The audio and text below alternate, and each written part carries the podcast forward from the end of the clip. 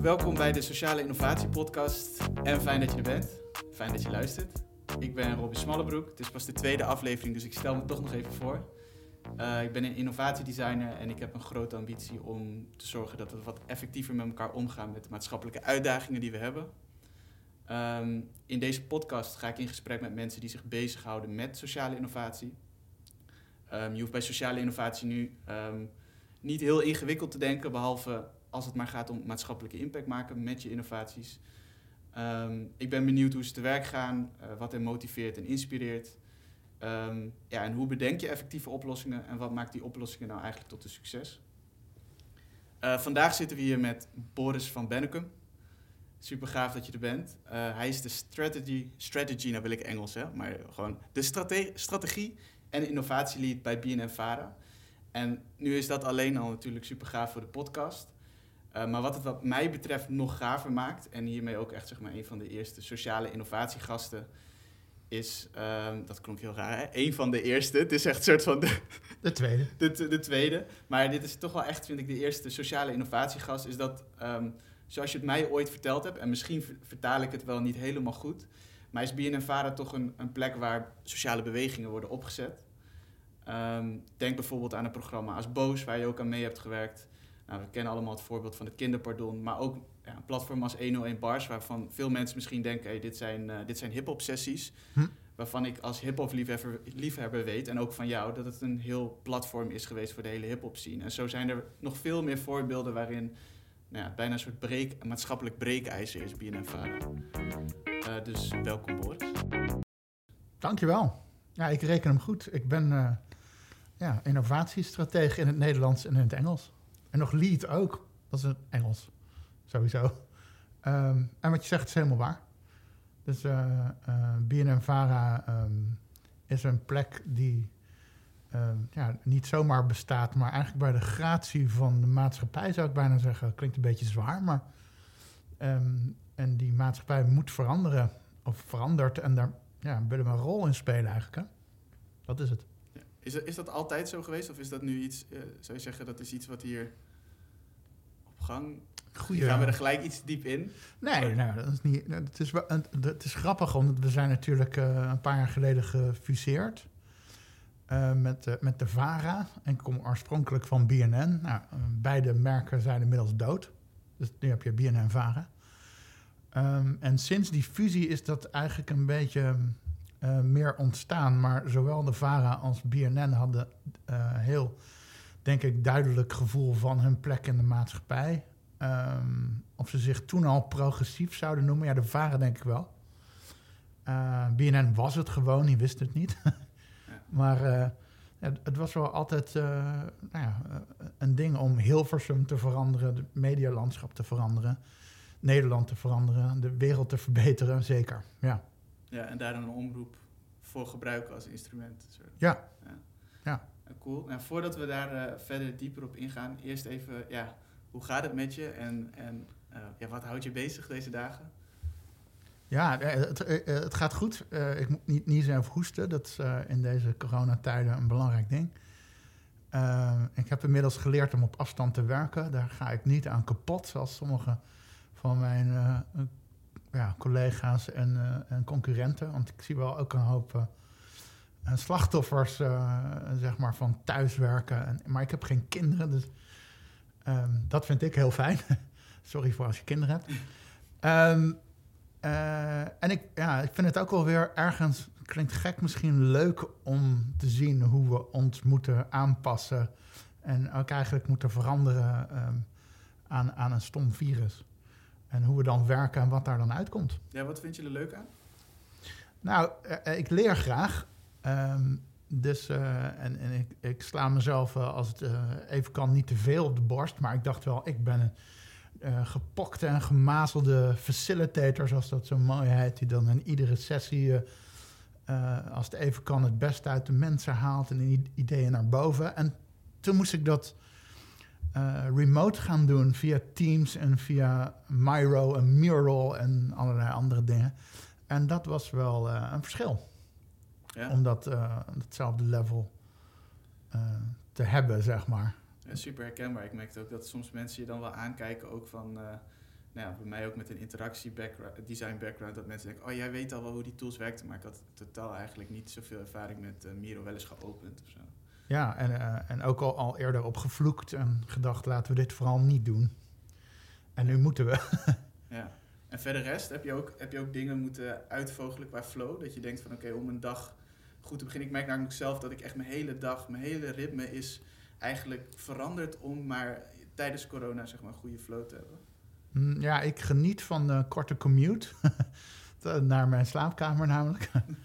uh, ik, ik, sta op en dan ontbijt ik en dan uh, heb ik een heel nummer eigenlijk om het te installeren in mijn slaapkamer. Daar zit een soort ritueel in ook wel, ja. Dat, dat helpt. Um, en ik heb ontdekt dat ik, uh, uh, vreemd genoeg misschien, een soort ochtendmens geworden ben qua ideeën. Als ik zelf dingen moet bedenken, doe ik dat inmiddels het liefst ochtends. En dat was eerder? Oh, ja, meer, meer s'avonds of meer, meer in de middag. Als ik, niet aan het eind van de middag uiteraard. Uh, maar zeg maar één uur. Terwijl nu ga ik gewoon half tien is de perfecte tijd om de kraan open te zetten, zeg maar. Omdat die commuter zeg maar niet is en zo, of anders? Ja, omdat ik ja, anders wakker word misschien wel. Ja. Ja. ja. ja. Cool. Gaaf, gaaf. Um, ja, je, we hebben het net al een beetje gehad over uh, uh, BNF-Vara, dus als een, uh, een platform voor sociale bewegingen. Jij bent daar de innovatie- en strategielead. Kan je ons iets meer vertellen over wat, om zeg maar eerst even een basis te creëren van wat, wat betekent die functie ongeveer? En ja, wat, wat, ja, wat voer je daarin uit? Het is een, uh, het een hele lastige vraag, merk ik altijd. Hè? Ik, moet dit, ik moest me laatst weer eens uitleggen en het bedrijf ook uitleggen aan studenten, onder andere van de HVA en ook van de TU in Delft. Uh, en dan moet je eigenlijk in een one-liner zeggen van... nou, dit is waar we voor staan, dit zijn we aan het doen. En dat, dat valt niet mee. Hoewel um, dat ook heel fake kan overkomen, toch? Als het, echt, als het zo kan. Ja, ja. En, um, en de waarheid is gewoon dat het uh, rommelig... nee, niet rommelig, maar met een Engels woord messy is. Ja. En fuzzy ook, fuzzy. Um, dat neemt niet weg dat, ik het wel duidelijk kan maken. Ik ga een verwoede poging doen in ieder geval. Um, maar innovatie is gewoon um, een, een, vakgebied met heel veel rotwoorden. En innovatie is misschien wel het rotste woord meteen al. Uh, want als je de reclames mag geloven, uh, onder andere op tv, ja, je hebt auto's die vol zitten met innovatie. Wat betekent dat? Nou, er zit een nieuw knopje in met iets erachter ongetwijfeld. Of ze gaan op stroom. En, en misschien is het wel innovatie, misschien niet. Uh, maar ik heb altijd uh, geprobeerd uh, het als volgt plat te slaan. innovatie is eigenlijk het verzilveren van toekomstkansen. Leg uit. ja, dus wat, je, je, je, wat we nu aan het doen zijn, stel je hebt een schoenenfabriek, nou, die, die loopt lekker. En zou je zeggen, ja, hebben die dan innovatie nodig? misschien wel niet. Maar de ellende is natuurlijk dat de wereld verandert. Uh, en, en nog vrij snel ook. Dus uh, je, moet iets verzinnen. En of je dat dan innovatie noemt, dat mag je zelf weten. Maar um, zodat je, dat de toekomst eigenlijk het nadenken erover nu begint. Um, uh, en dan heb je grotere kans dat je er goed uitkomt. Dat je niet de Kodak van deze wereld wordt. Bijvoorbeeld, ja. Dat is wel uh, een bekend voorbeeld natuurlijk. Ja, ja. Uh, dat, uh, dat je gewoon denkt, oh ja, ik ben lekker footage aan het verkopen die niemand meer gebruikt. Zeg maar, het, fotorolletje, dat was een ja. ding. En ook de camera's natuurlijk die daarbij horen. De modernste fotorolletjesfabriek ter wereld hadden ze net neergezet. Ja. Digitaal. ja, er zijn heel veel van dat soort voorbeelden. En dat, en dat wil je natuurlijk niet. Um, uh, helemaal niet als je weet dat, dat als je namelijk bezig bent, uh, ook bij BNNVARA, de mensen die doen wat we nu doen, het zijn experts met heel veel kennis en noem maar op, die zijn uiteraard geneigd om te blijven doen wat ze doen. Over het algemeen. En dat geldt overal. Dus je hebt mensen nodig, op zijn minst, die even trekken naar, maar wacht even, als, als we dit blijven doen, dat weten we eigenlijk bijna zeker dat dat over vijf of drie jaar, of misschien wel volgende week niet meer werkt. Dus, eh, eh, en dan wordt de vraag: oké, ehm, wat is die toekomst dan? Nou, er gebeurt echt van alles. Ehm, en, en, dan wil je natuurlijk weten: eh, oké, waar moeten we voor oppassen? Maar liever nog, wat zijn kansen? En een kans is, is, is van waarde voor het bedrijf, is een belangrijke stap. Die parallel ligt aan de visie van een bedrijf, als het goed is. En dan wordt het leuk, ehm, want uh, wat ik zei, het uitgangspunt is dat de wereld verandert. Dus die visie van het bedrijf moet ergens samenkomen, um, eigenlijk met de behoeften van een persoon. Ja, dat, dat is echt, uh, om nog een mooi Engels uh, woord te gebruiken, een tall order. Tall order. Ja, dat is, dat is gewoon heel moeilijk als je gewoon in je directiekamer zit. Even ook over strategie gesproken. En ja, we kunnen allemaal kanten op. Wat is nou een kans? En uh, ja, je weet wel wat je met je bedrijf wil, maar waarom ook alweer? En sluit dat dan nog aan? Uh, of, of ben je fotorolletjes aan het verkopen voor mensen met een mobiele telefoon? Ja, en is dat waar je begint? Begint het, in de, uh, begint het zeg maar in die directiekamer of begint het ergens anders? Wat, zou, wat, wat zouden de eerste plekken zijn waar je begint? De harde waarheid is dat natuurlijk begint het in directiekamers. Uh, als je niet uitkijkt. Maar wat ik probeer te doen is heel erg te zitten op... hey, echte mensen. Uh, wat bezielt ze? Uh, wat is de pijn en het plezier waar we, die we kunnen vergroten... in, het, in het geval van pijn natuurlijk, die we weg kunnen nemen. Dus, en dat klinkt heel simpel, want, maar dat is niet zo. Want wij zitten hier nu toevallig in een gebouw. Uh, ja, daar zijn gewone mensen niet. Die komen ook niet zomaar binnen. Uh, ook niet als we ze nu in zouden bellen, dan wordt het ook al een awkward gesprek. en we denken dat we het al weten. En heel vaak weten we het gewoon nog niet. En dat, dat zei ik ook tegen die studenten van de HVA. Die presentatie begon met innovatie, geen idee. En dat betekent niet dat ik geen idee heb. Uh, maar dat het idee niet centraal staat. Uh, en dat je het inderdaad heel vaak niet weet. Uh, innovatie wordt vaak gezien, ah, dat is die fijne ja, ideeënbus waar ja. van alles opborrelt. Terwijl de ellende is, ja, dat is mijn, mijn rol, want daar vroeg je eigenlijk naar. Mm -hmm. Terug naar de vraag. nee, nee, dat um, is goed. Is, is eigenlijk om te zorgen dat er geen ruimte is voor nog even een goed idee. Want een nog even een goed idee leidt af van de kans. Dus het gaat mij om wat is de meest bewijsbare kans, voor zover mogelijk. En hoe stoppen we uh, het leuke ideetje? Maar natuurlijk ook, hoe brengen we ze misschien wel samen? Ja. Maar dit is een ideeënbedrijf. Dus het ideetje komt wel. Het klinkt heel arrogant, maar... Uh, zitten hier veel mensen met goede ideeën. Ja. Veel ideeën. Ja, veel ideeën en uiteindelijk ook best wel goede. Ja. Maar uh, die keuze maken van wat, wat gaan we nou doen en wat is nou iets waar we op kunnen bouwen voor de toekomst, daar wordt het ook strategisch van. En um, dat is een soort uh, ja, een zwarte kunst. um, alchemie. het, zit, het, het is moeilijk uit te leggen. Ik hoop dat ik net een ik zei, ik zou een verwoede poging doen. Nou, ja, dit was hem een beetje. Om je feedback te geven, ik vind het een, best wel een, duidelijk, een duidelijke definitie dat je zegt van... En ook wel een definitie die ik zelf bijvoorbeeld nog nooit zo uh, door mijn hoofd heb laten. Maar dat het de kans is, dat je kans tegenover een idee zet eigenlijk. Ja, ja. En, en, en dus uh, het, het, het goede huwelijk... Te, want die kans komt samen in, in behoefte en visie van een bedrijf. En je zou dus kunnen zeggen dat zou ik althans doen.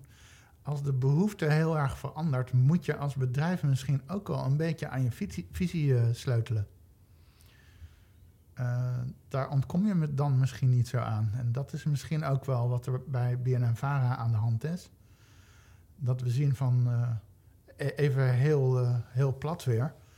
We hebben natuurlijk gewoon um, content of televisie op de ether geknald Mm-hmm. En toen was het voor ons klaar. En, en, waren we op zich altijd wel blij als er dan dingen in de maatschappij gebeurden. Maar nu wordt die relatie toch wel veel directer. En, en zouden we eigenlijk als pas blij moeten zijn.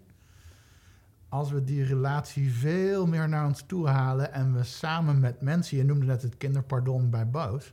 Daar hebben we samen iets gedaan.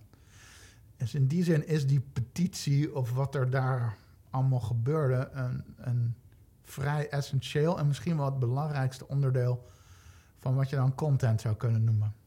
Dat ja, want hoe, hoe, zou je dan nu content definiëren? Want je, je, je hebt het over nou, veel meer interactie dan wat mogelijk was met tv. ja, Misschien behalve hele grote spelshows of zo, waarin je in het sta- stadion vol zit. Je stelt wel rotvragen, maar heel goed. Eh, want content is gewoon eh, eh, ook een rotwoord, maar dat is gewoon inhoud. En inhoud, je gaat ergens in. En dat, dat kan YouTube zijn of een mixed reality kijkdoos of televisie.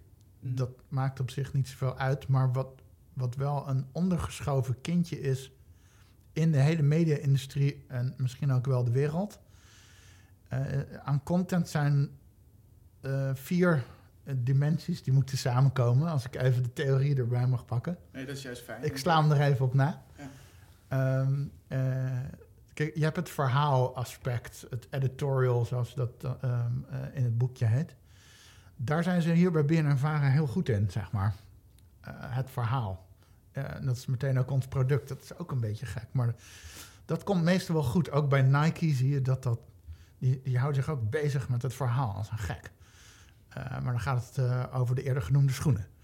Ehm, eh, en wat vaak, waar vaak minder aandacht voor is misschien, is dat er, er is ook een manier waarop het bij je komt. Dat is vaak techniek. Nou, nou, daar hebben ook mensen zitten die dat vrij goed kunnen. En ook ondergeschoven is het proces. Dus wie zegt er ja, wie zegt er nee, wie bepaalt wat erin komt. Ja. Eh, dat proces is er overigens wel, hè, natuurlijk. Hè, bij, bij, bij een omroep, BNN-VARA, in het algemeen, Nike, RTL, noem ze allemaal maar op. Bedoel je dan het innovatieproces of bedoel je het, ook het constante redactieproces? Zeg maar? Ja, het, het kon, gewoon content. Het eh, gaat Ja. niet eens over innovatie. Ja. Maar, maar ehm, eh, daar zegt iemand ja of nee. En samenstellers en eh, dat soort mooie mensen die het, eh, die het mogelijk maken dat er iets goeds op je, eh, op je, in je ogen of op je oren komt. Ehm, eh, maar dat is minder bewust dan je zou verwachten soms. Dat gaat heel erg op smaak. Dus daar zit iets. En dan komt de vierde, en die is heel belangrijk. Eh, dat is namelijk het, het blokje ervaring. Eh, en daar, daar zit in dat, dat, dat het komt ergens en, eh, bij iemand die het gebruikt of consumeert, of hoe je het ook wil noemen. En die ervaart het. Eh, en daar heb je best wel een rol te vervullen die misschien omroepen en RTL-achtige. En zelfs misschien ook nog, ja, Nike is er best goed in, maar toch. Ehm, eh, ik zou willen dat mensen zich daar meer zorgen om maken of meer, meer mee bezighouden. Eh, omdat als je het goed doet, lok je een soort co-creatie uit. En dat co-creatie zit hem in dit geval, het, ja, dat is ook een rotwoord, maar zodra je een, ehm, onder een filmpje een peti- petitie gaat in, invullen of je een mening geeft, dan ben je samen het, het verhaal aan het veranderen. Ja. En dat is zo'n fundamenteel ding. Wat veel verder gaat dan van, oh, we moeten stoppen met zenden. Hè, die hoor je veel in praatjes en noem maar op. Oh ja, het is niet meer eenrichtingsverkeer. Ja, maar wat betekent dat dan? Dat betekent eh, een, totale, een totaal nieuw product, zou ik zeggen. Ja, zou je dit is misschien is eh, het kinderpardon wel een goed voorbeeld, maar misschien ook wel een ander voorbeeld is misschien nog wel sprekender. Zou je dit eens toe kunnen lichten hoe zoiets ja, heb je, heb je een voorbeeld waarbij je zou kunnen zeggen van ja, hier komt dat die vierde dimensie heel goed in uit? Eh, ja, dan moet ik eigenlijk het niet over het kinderpardon hebben. Ja, kan ook wel. Als het, als het gewoon het beste voorbeeld is. Het is natuurlijk Nou, wel iets wat het is het meest beroemde voorbeeld. kent. Ehm, maar het aardige van het voorbeeld is namelijk, dat heb ik nog niet besproken, ehm, dat het ook faalt. Dus misschien is dat dan wel aardig. Dus eh, eh, neem je even mee terug. Er was een kanaal ehm, wat eh, Boos heette, Tim Hofman. Ehm, eh, neemt het voor jou op met eh, eh, ja, zijn eigen stilo. eh, eh, bijt hij zich vast in, in de case en, en dan strooit hij confetti totdat het bloedt eigenlijk. Hè? Ja. Ehm, Ook heel veel dimensie 3 dan hoor ik hierin terug, toch? Dus het is heel veel ook smaak en ja, Tuurlijk. Ja, en personality zelfs, want hij heeft dit kanaal naar zijn hand mogen zetten. Uh, sterker nog, dat is wat, wat het uh, krachtig maakt. Dat het, op hem, dat het zijn ding is, zijn jas die hij heeft aangetrokken. Ja. Het, het, is op zijn huid eigenlijk zelfs letterlijk. Hm. Maar goed, uh, dus dat kanaal is er. En deze mensen vanuit hun betrokkenheid... Ze kregen van alles in hun mailbox, kan je je voorstellen uh, kwamen er verhalen van ja, ouders en met name natuurlijk ook jonge mensen, kinderen, uh, waar tegen gezegd werd: werd hé, um, hey, maar jullie kunnen eigenlijk best terug naar jullie land, wat misschien verscheurd is in jullie opinie. Maar ga alsjeblieft terug naar je eigen land, want je hoort hier niet. Toen dachten ze: holy shit, dit, dit is een nieuwe magnitude, orde van grootte. Um, en, en, en een breder verhaal dan je even normaal in een filmpje van 10 minuten neer kan zetten. Ik zou bijna denken dat het een, een slecht script is op het moment dat je het echt in een film zet, toch? Dan zou je bijna denken, ja. nou, dit... Ja, okay. Dit is onbestaanbaar, ja. ja. Nou, het bestaat uh, op allerlei levels in. Nederland. Um, uh, en, en, ja, toen gingen ze natuurlijk, uh, hè, wat zo'n redactie dan doet, die gaat dan kijken van hoeveel inhoud kan ik eigenlijk vinden en, en waar is het verhaal het scherpst. Dat is eigenlijk wat ze doen. Um, en al snel bleek dat stof voor een documentaire van een uur, um, waar ze ook zichzelf opnieuw moesten uitvinden in, in vorm. Want een, een verhaal van een uur op YouTube kan dat eigenlijk wel. Mm, ja, in die zin is dat ook innovatie, zou je kunnen zeggen. Um, en de, de, vraag was, die natuurlijk ook meteen opkomt, is uh, normaal. Uh, ja, als jij uh, valse concertkaartjes had gekocht en Tim Hofman die gaat aanbellen bij die persoon, ja, dan krijg je of je geld terug of niet. Of je, je hebt in ieder geval de kans gehad om die mensen de waarheid te zeggen en dan is het klaar. maar wat moest er dan hier als een soort van effect gebeuren. Nou, de, als je Tim Hofman erover zou spreken, dan was dat vrij snel vrij duidelijk. Want die fucking mensen moesten gewoon hier blijven. Die kinderen, uh, die moeten niet terug. Eh, ook uh, de titel van die documentaire is Eigen Land. Want ze zijn in hun eigen, eigen land. Ze zijn Nederlands, ze zijn in Nederland opgegroeid. Ik weet wel dat daar verschillende visies op zijn. Maar als je het aan die kinderen zou vragen, die hebben geen idee wat ze uh, in Irak, uh, zoals in de documentaire mooi naar voren komt, ja. zouden moeten. Um, uh, en dus krijg je ook van, oké, dus als we, nou, het is een groot kanaal, Tim Hofman, mediakracht. Maar dan nog, hoe ga je dat doen? en die mensen hebben natuurlijk ook wel uitgezocht, hoe werkt dat dan? Nou ja, Tim heeft eerder in de Tweede Kamer mogen spreken. en hoe doe je dat? Door heel veel handtekeningen uh, en, en, uh, medestanders, wat een, altijd een mooi woord is bij BNNVARA, om je heen te verzamelen. En heel lastig te doen. Uh, en dus heb je een filmpje in combinatie met comments, in combinatie met dat het gedeeld wordt, ook in de aanloop al, hè, want het, voor het filmpje zijn ook al filmpjes, namelijk op Insta, minder algemene plekken dan het centrale punt YouTube. En dat op een gegeven moment moet je dus gaan bundelen in iets, in dit geval, een petitie. en die petitie ehm, die is genoeg getekend. Maar de grap is, dat, dat is gebeurd op een petitieplatform in dit geval. En het is gelukt voor de duidelijkheid, we zijn blij met de uitkomst. Maar als je dan gaat kijken vanuit het bedrijf van heeft BNM-Vara genoeg deze beweging en deze co-creatie naar zich toe gehaald, zou je eigenlijk kunnen zeggen nee, want extern petitieplatform. Niet met een BNM-Vara logo, logootje erboven. En dat is op zich, uh, we, we, hebben uh, het goede bereikt nogmaals, dus we hebben geen spijt of zo. Maar vanuit het bedrijf zou je best wel kunnen zeggen van wat jammer dat we uh, een hoop mensen waarschijnlijk hebben gehad die dat niet of minder misschien met ons associëren. Want waarom is dat belangrijk? Dat die, dat, die associatie ja, ik kan me is. er wel iets bij voorstellen. Hoor. Ja, nee, dat, dat, is een hele goede vraag.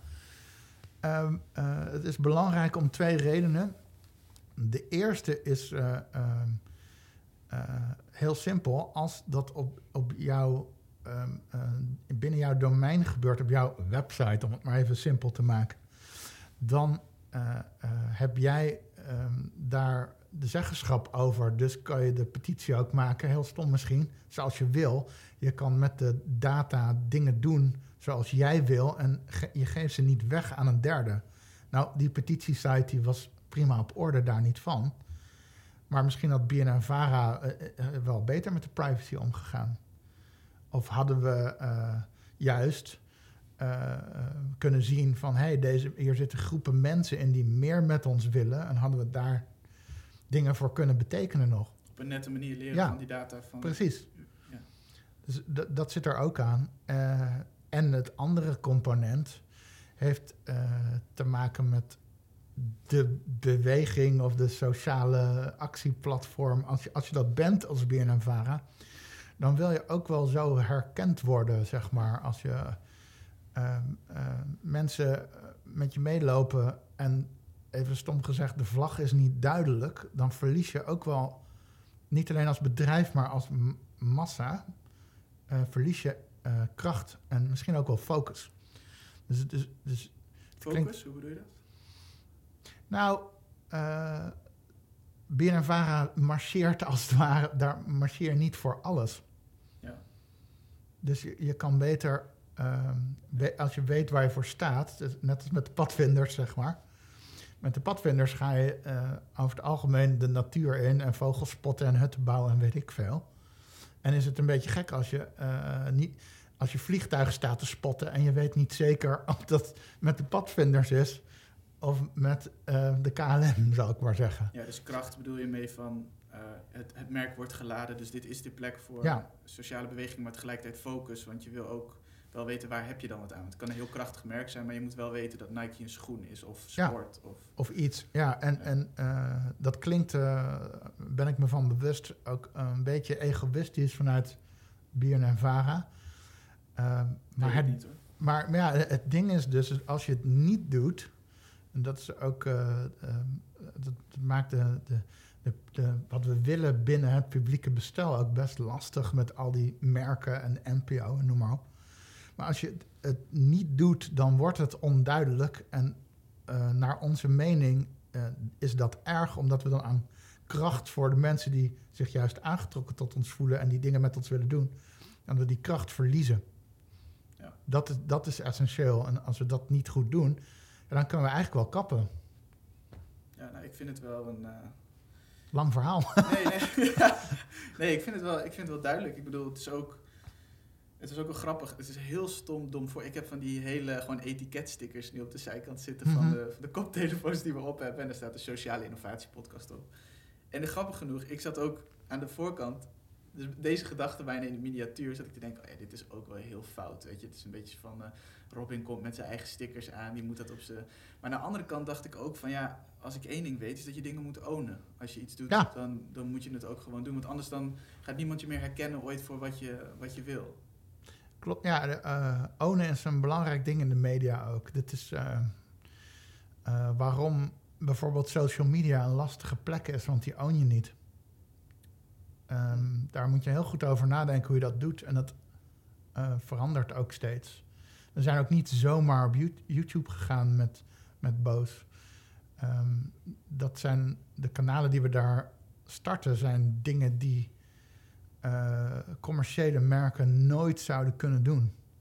En daardoor kunnen we een soort plek innemen in wat in feite een commercieel platform is. Sterker nog, als je YouTube vraagt, de, de baas YouTube, Mhm. ik ben haar naam even kwijt, maar eh, deze mevrouw heeft ooit geroepen toen zij aantrad: van jongens, content allemaal hartstikke leuk, maar YouTube is een advertentieplatform. Dat, dat is nogal wat als je dat zegt, vind ik. Ja, vind ik wel een beetje verrassend. Ja, is, is heftig. Ja. Eh, wat verklaart waarom we zo lastig worden gevallen. Door eh, eh, inmiddels dubbele, vaak non-skippable ads. ehm, eh, en natuurlijk ook zodat we een abonnement nemen ehm, op dat eh, ehm, ehm, advertentieloze ding. Ja, Maar ook daar is de functie dus. Ja, je- jij bent je dan, als je dat doet, ben je advertenties wel kwijt. Maar jouw data worden gebruikt om andere advertenties ehm, te fixen. Als het ware, dit is de focus van hun, is aan de bedrijfskant.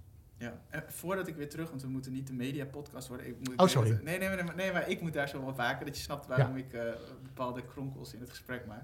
Maar ik heb wel één ding benieuwd. Hoe own je, eh, hoe own je op YouTube dan toch YouTube? Als je inderdaad niet BNNVARA erboven kan zetten, maar je kan er, eh, je hebt er YouTube staat erboven, misschien zelfs wel ergens nog een Google-account. En dus er komen dan nog allemaal advertenties binnen van andere bedrijven. Hoe own je YouTube? Ja, het korte antwoord is niet, Oké. eigenlijk. En het iets langere antwoord is... ehm, ehm, qua... eh, kijk, YouTube is naast een advertentieplatform... eh, ook eh, de één na grootste zoekmachine van de wereld. Dus de vraag is ook... eh, waar word je op gevonden, eigenlijk? En in ons geval zijn dat dingen, onderwerpen, verhalen, eh, noem maar op... die een zekere onafhankelijkheid hebben en die commerciële partijen niet kunnen maken en waar eh, in principe eh, geen reclame omheen is voor zover het platform dat toestaat, moet ik daar dan bij zeggen. Maar zeker in het begin was het heel goed mogelijk om te gewoon konden het vinkje advertenties uitzetten. En eh, ja, daar, eh, dan gebeurde er natuurlijk wel wat met de data van het kanaal. Daar kan YouTube gewoon bij. Ehm, maar daar werd niet op geadverteerd. Ehm, en ook al werd er uiteindelijk wel... eh, er is een experiment geweest met de ster. Het gaat misschien te ver hoor, maar... Nee, nee, nee. Ehm, maar dan wordt er wel op geadverteerd, maar, maar dan nog ehm, vonden we het de waarde, de waarde die we dan toevoegen aan juist een commerciële omgeving. Wat Facebook ook is, eh, eh, Twitter, Netflix in potentie. Mhm. eh, om daar een verhaal aan toe te voegen wat, wat geen ander geloofwaardig zou kunnen maken. En daarmee een publiek bereiken wat we nou ja, moeilijker bereiken ergens anders. Want kanalen ehm, en publiek liggen heel erg op elkaar tegenwoordig. Dat, dat vonden we waardevol. En dat is ook wel gebleken, denk ik. Ja, ja, cool. Ehm, ik ga het bruggetje maken naar eh, waar je eigenlijk je verhaal begon, namelijk kansen. Kans, ja. Hoe, hoe, hoe, hoe identificeer je een kans? Je zei al een beetje van ja, dat is eh, alchemie. Nou, dan denk ik aan de alchemist, dat je een soort van cirkel op de grond tekent. En dan, eh, ja. maar hoe doe je dat? En ik weet ook dat je veel doet met data bijvoorbeeld. Ik weet dat dat ergens een antwoord is op, eh, op de vraag. Zeker. Maar waarschijnlijk zijn er meerdere. Dus hoe identificeer je een kans? Eh, even dan toch weer eh, terug naar een boekje. Ehm, het is eigenlijk heel makkelijk, zou je kunnen zeggen. Zeker als je er zelf in traint. Dus waar ik altijd naar kijk, en, en, en, en mijn mensen en ik, ook zonder data. eh, je loopt gewoon bij wijze van spreken ergens naar binnen. Ehm, eh, die, je je kan dat in 15 minuten doen, zeg maar. Als je even, even nadenkt, even misschien toch met wat post-its of digitale post-its het volgende op een rijtje zet. Je even nadenkt over, oké, de industrie waarin dit gebeurt, waar ik iets mee wil of wat ik zie of de ontwikkeling. Er is een ontwikkeling. Ja. Die versnelt vaak. Hebben we een ontwikkeling misschien die je nu zou kunnen? Laat ik een heel eh, heftig voorbeeld nemen eh, voor mezelf. ja. Eh, ik heb er een haat-liefde relatie mee namelijk. Extended reality, dingen als VR, Ja. AR. een moeilijk, moeilijk spul als je in de media werkt. vanwege hoe schaal je dat dan op? En, en hoe eh, ligt niet misschien meteen eh, eh, comfortabel bij alle mensen waarmee we werken. Eh, dat is een ontwikkeling en die versnelt op een goede dag, al sinds 2016. Nou, te gek. En de vraag is dan, is het een kans? Gaan we dit doen? Is hij beter dan iets anders? Een soort afweging. Ehm, en waar je dan even in 15 minuten naar kan kijken, want we hebben even geen data en we hebben haast en dingen, is oké, de industrie waarin dit plaatsvindt. Eh, kom je daar makkelijk in? is eh, de eerste vraag. En geef dat eens een rapportcijfer. Nou, en kan je vertellen, de meeste industrieën, media-industrie is geen uitzondering eh, in dit geval. En zelfs niet ook de, de, de extended reality, VR, eh, als je er daarop in wil inzoomen. Nou, er zijn bedrijven zat. De- dat, dat rapportcijfer is meestal vrij, vrij laag. Laten we het even een 4 noemen. Ja, oké. Hopsakee, een 4. Die hebben we binnen. Eh, nou, genoteerd. Dan gaan we naar het volgende kijken. Eh, Zijn er, weten we iets, eh, meestal weet je wel iets, over de markt. Even in grote lijnen. Zit daar groei in? Is dat lastig? Zit daar toekomstmuziek in ergens of zo? Verwachten we dat mensen dat tof vinden? Gewoon even zo. Eh, het heeft misschien ook wel een beetje, voel je ook wel met een soort wow-factor te maken. Nou, prima. Dit klinkt voor mij al wel meer als eh, alchemie. Dit Ja. klinkt al wel meer als, soort van dat eerste cijfer vind ik, oké, dan denk je, nou, dan geef je een 4 aan, dat is klaar. Ja. Maar dit klinkt al wel meer hocus pocus. Nou, maar je, maar je, kan, ook, ja, je kan ook even googlen. We hebben een kwartier. Ja. Eh, en en kijk je even van, goh, misschien op een, op een, een marktinformatieachtige website van... goh, eh, eh, zijn, er, zijn aandeelhouders van dat soort bedrijven meestal blij? Of eh, zit, staat er ergens een mooi artikeltje dat, dat het ontploft? Of dat het in ieder geval een beetje groeit? Je hoeft dat werk niet allemaal zelf te ja. doen. Er zijn ook heel veel mensen die dat werk voor je aan doen Ja, en, en, en, en zeker voor als je een kwartiertje hebt en je hebt, laten we ook zeggen, we hebben 10.000 euro, moeten we het uitgeven. Nou, dan er- ja, VR, ja, dat zit wel in de lift. Het zijn tegenwoordig, eh, ook qua schaal, als dat een zorg is, di- van die, pre-corona althans, van die, van die soort pakhuizen waar ze met 1500 man in een ervaring gaan met zo'n bril op. Hm, Interessant. Laten we dat dan voorzichtig zesje geven. Nou, te gek. Hebben we een 4 en een 6. Mhm. Ehm, nou, dan gaan we qua kwartier ook best lekker. Ehm, dan gaan we eh, eens kijken van, maar, maar weten we dan... Hè, want we hadden het al over de markt. Ehm, weten we dan eh, genoeg van wat mensen echt willen? En dan kom ik terug op pijn en plezier van mensen. Weten we dat? dat hè, dit is echt een inzoom. En dat is vaak een hele lastige. Mhm. Eh, waar, die kost je wat meer tijd om over na te denken ook. Dan moet je gaan nadenken ook, hè, dan kom je ook meer richting je eigen bedrijf misschien.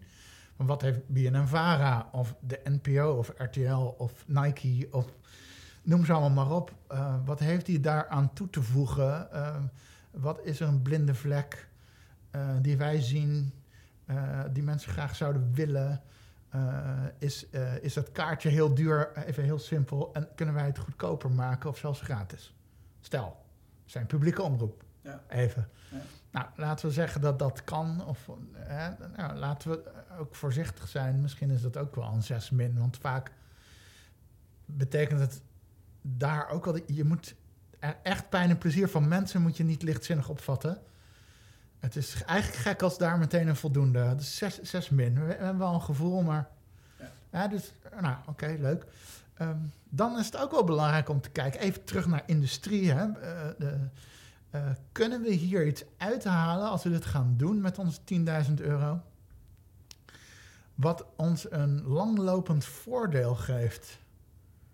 Ehm, eh, dus dan zoomen we even in op concurrentiepositie. Ja. Ehm, en nou, eh, stel dat, dat, dat wij een soort, toevallig is dat zo, een soort goocheltruc hebben bedacht die mixed reality is. En, en waar je mensen echt eh, eh, de, de, de gewone wereld eigenlijk eh, kan laten zien zoals je hem nooit eerder zag. Stel dat we zoiets hadden. Ja. En ik roep even dat dat zo is. Maar dan kan je zien dat het waarschijnlijk ook iets is. Ja. Ehm, eh, en en nou, dat heeft RTL niet, of dat heeft de NPO niet, of dat, dat, dat, dat, dat hebben andere, andere aanbieders hebben dat niet. Maar we weten eigenlijk niet zeker of het werkt. Dus laten we ook daar voorzichtig zijn.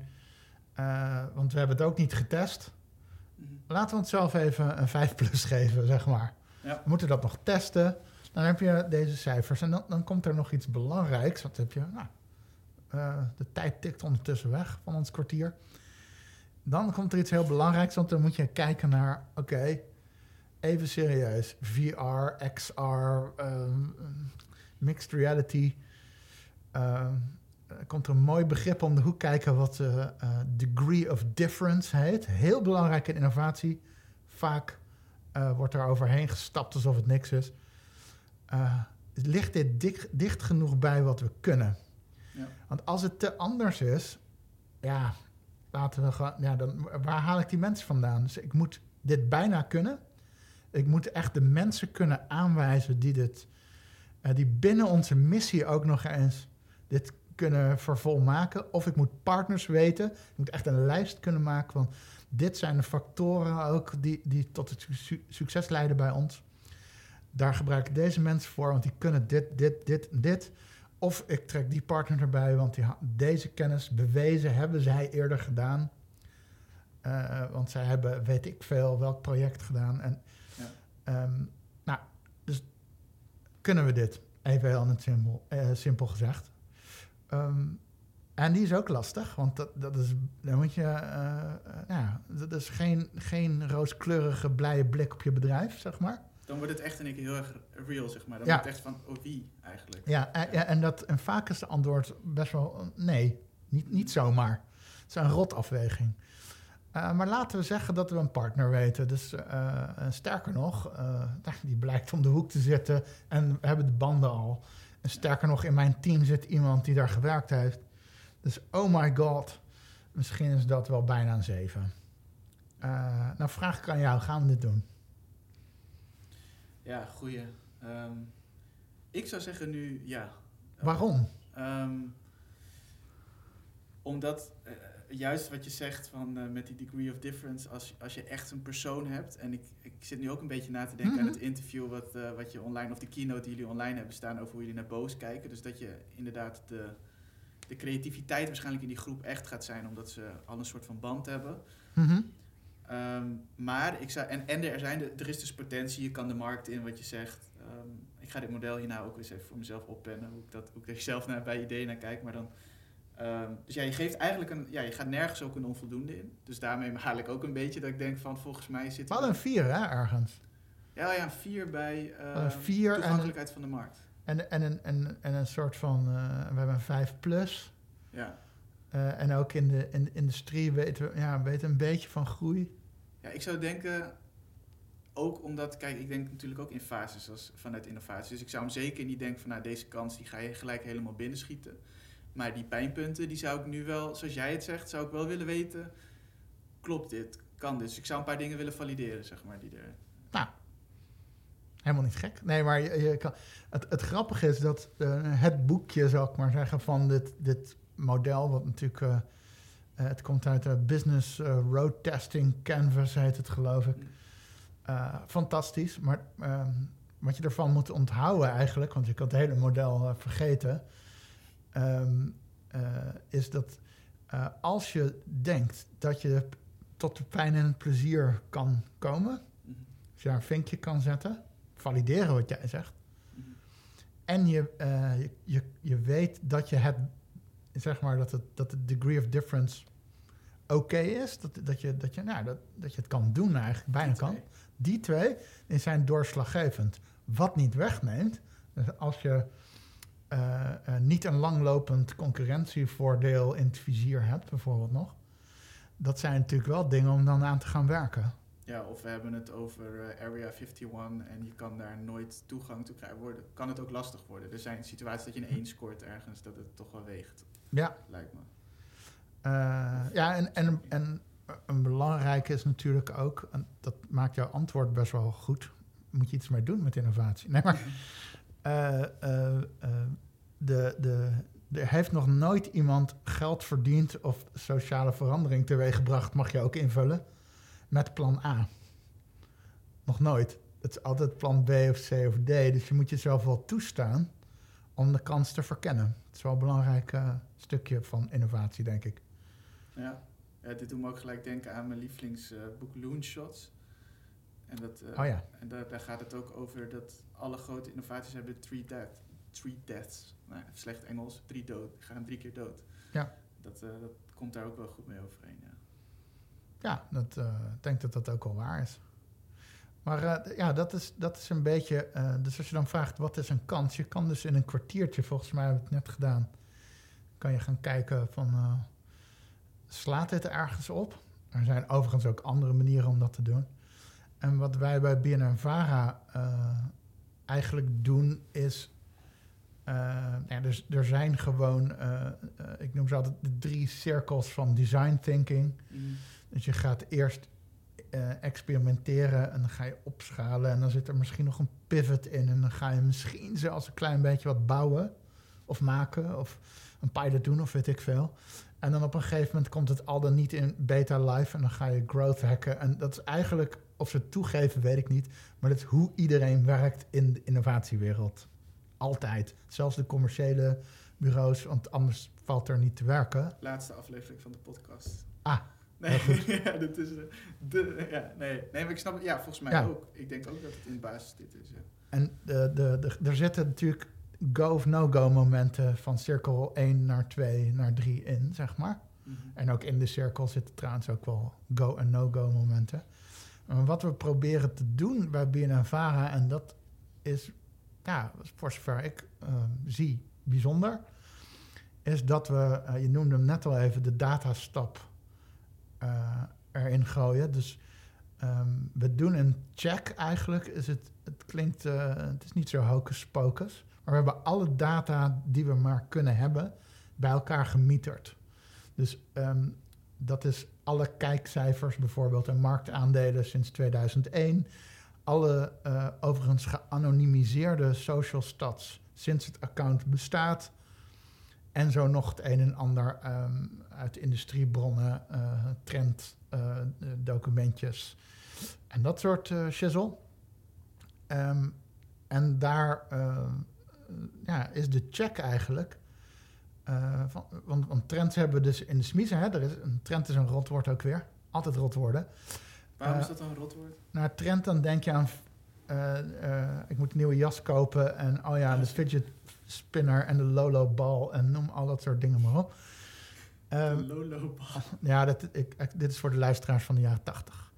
Um, okay. maar uh, ja, je moet, je, moet, je moet breed mikken. Um, maar fidget spinner ken je wel. dat is dan trendy om, om er een te hebben. En, en dat is meer een, een uh, zoals het in het Engels zo mooi heet, een fad of een craze. Uh, maar een, de trend zoals ik hem bedoel is een versnellende ontwikkeling. Zo leg ik hem altijd uit. Um, en wat we proberen te doen is dat te matchen. Want meestal komt dat uit Amerika. En dan roept er ergens iemand in, uh, AI. Of uh, mm-hmm. inderdaad extended reality op Splinternet. Ook een mooie term. Die ken dan, ik niet. Wat is die derde? Splinternet is het principe dat wij um, zelf, zonder dat we daar um, allerlei bedrijven voor nodig hebben, in de toekomst althans, is het idee, zelf netwerk kunnen maken lokaal, zoals we hier zitten, uh, met meer mensen. en dat er dus kleine internetjes op die manier ontstaan waarin van alles wordt uitgewisseld. Ja. Zoals je dat eigenlijk ook al een beetje ziet. Um, ja, op, op, op ja, WhatsApp klinkt misschien stom, want dat is natuurlijk wel van Facebook, maar uh, dat zijn ook kleine netwerkjes. En straks heb je misschien die WhatsApp niet nodig, omdat je al bij elkaar zit en nu even uh, gewoon wat dingen naar elkaar toe schiet, zoals dat um, met... Uh, Slack-kanalen zijn dit eigenlijk ook. Ook, ja. Ja, Slack is ook... mooi verhaal over innovatie gesproken, Slack. Dat is een leuk verhaal. Misschien.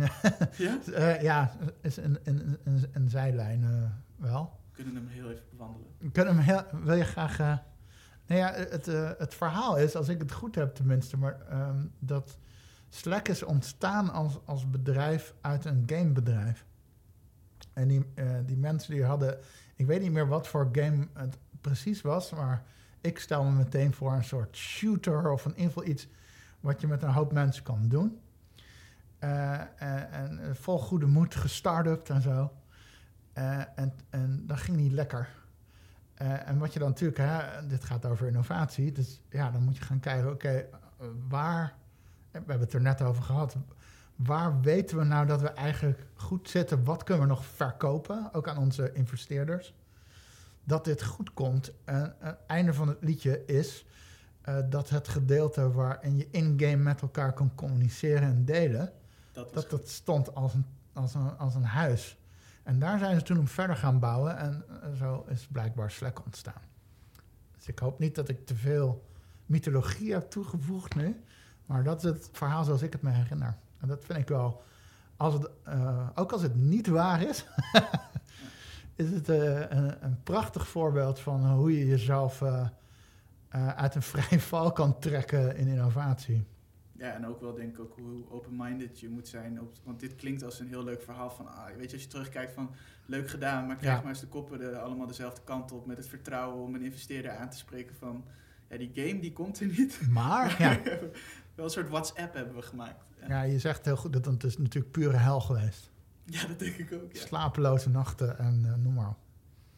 Nu ben ik wel de andere lijn kwijt. Dat Ja, gebeurt andere, niet vaak. ja, de andere lijn was natuurlijk ook over die, eh, eh, je, je was die drie cirkels aan het uitleggen en Ja. dat jullie de, die datasets hebben. Juist. Ik ben er weer. Ja, Ehm, wat we doen, dus het, het is niks nieuws dat we, dat we gewoon design thinking doen en agile en allemaal wendbare cirkels. Maar we proberen daarvoor op basis van alle data die we bij elkaar hebben eh, gegooid te kijken van oké, eh, splinternet, want dat was inderdaad het voorbeeld. Leuk dat iemand dat in een trenddocumentje roept. En leuk ook dat het in deze nieuwsbrief staat. Oeh, oeh, oeh, signaalsterkte. Hè? ja. Eh, ik ga erover nadenken. Moet ik dit tegen mijn directie zeggen? Moet ik meteen aan de slag? Moet ik... Dus de, de check is dan... zien we iets in gedrag terug... rondom onze eigen platformen? En soms zien we niks. Hè? Dat moet ook duidelijk zijn. Eh, ehm, maar eh, ja, heel vaak kunnen we in ieder geval wel zeggen... hey, dit is er, er is van alles aan de hand. Deze zien we in ieder geval terug.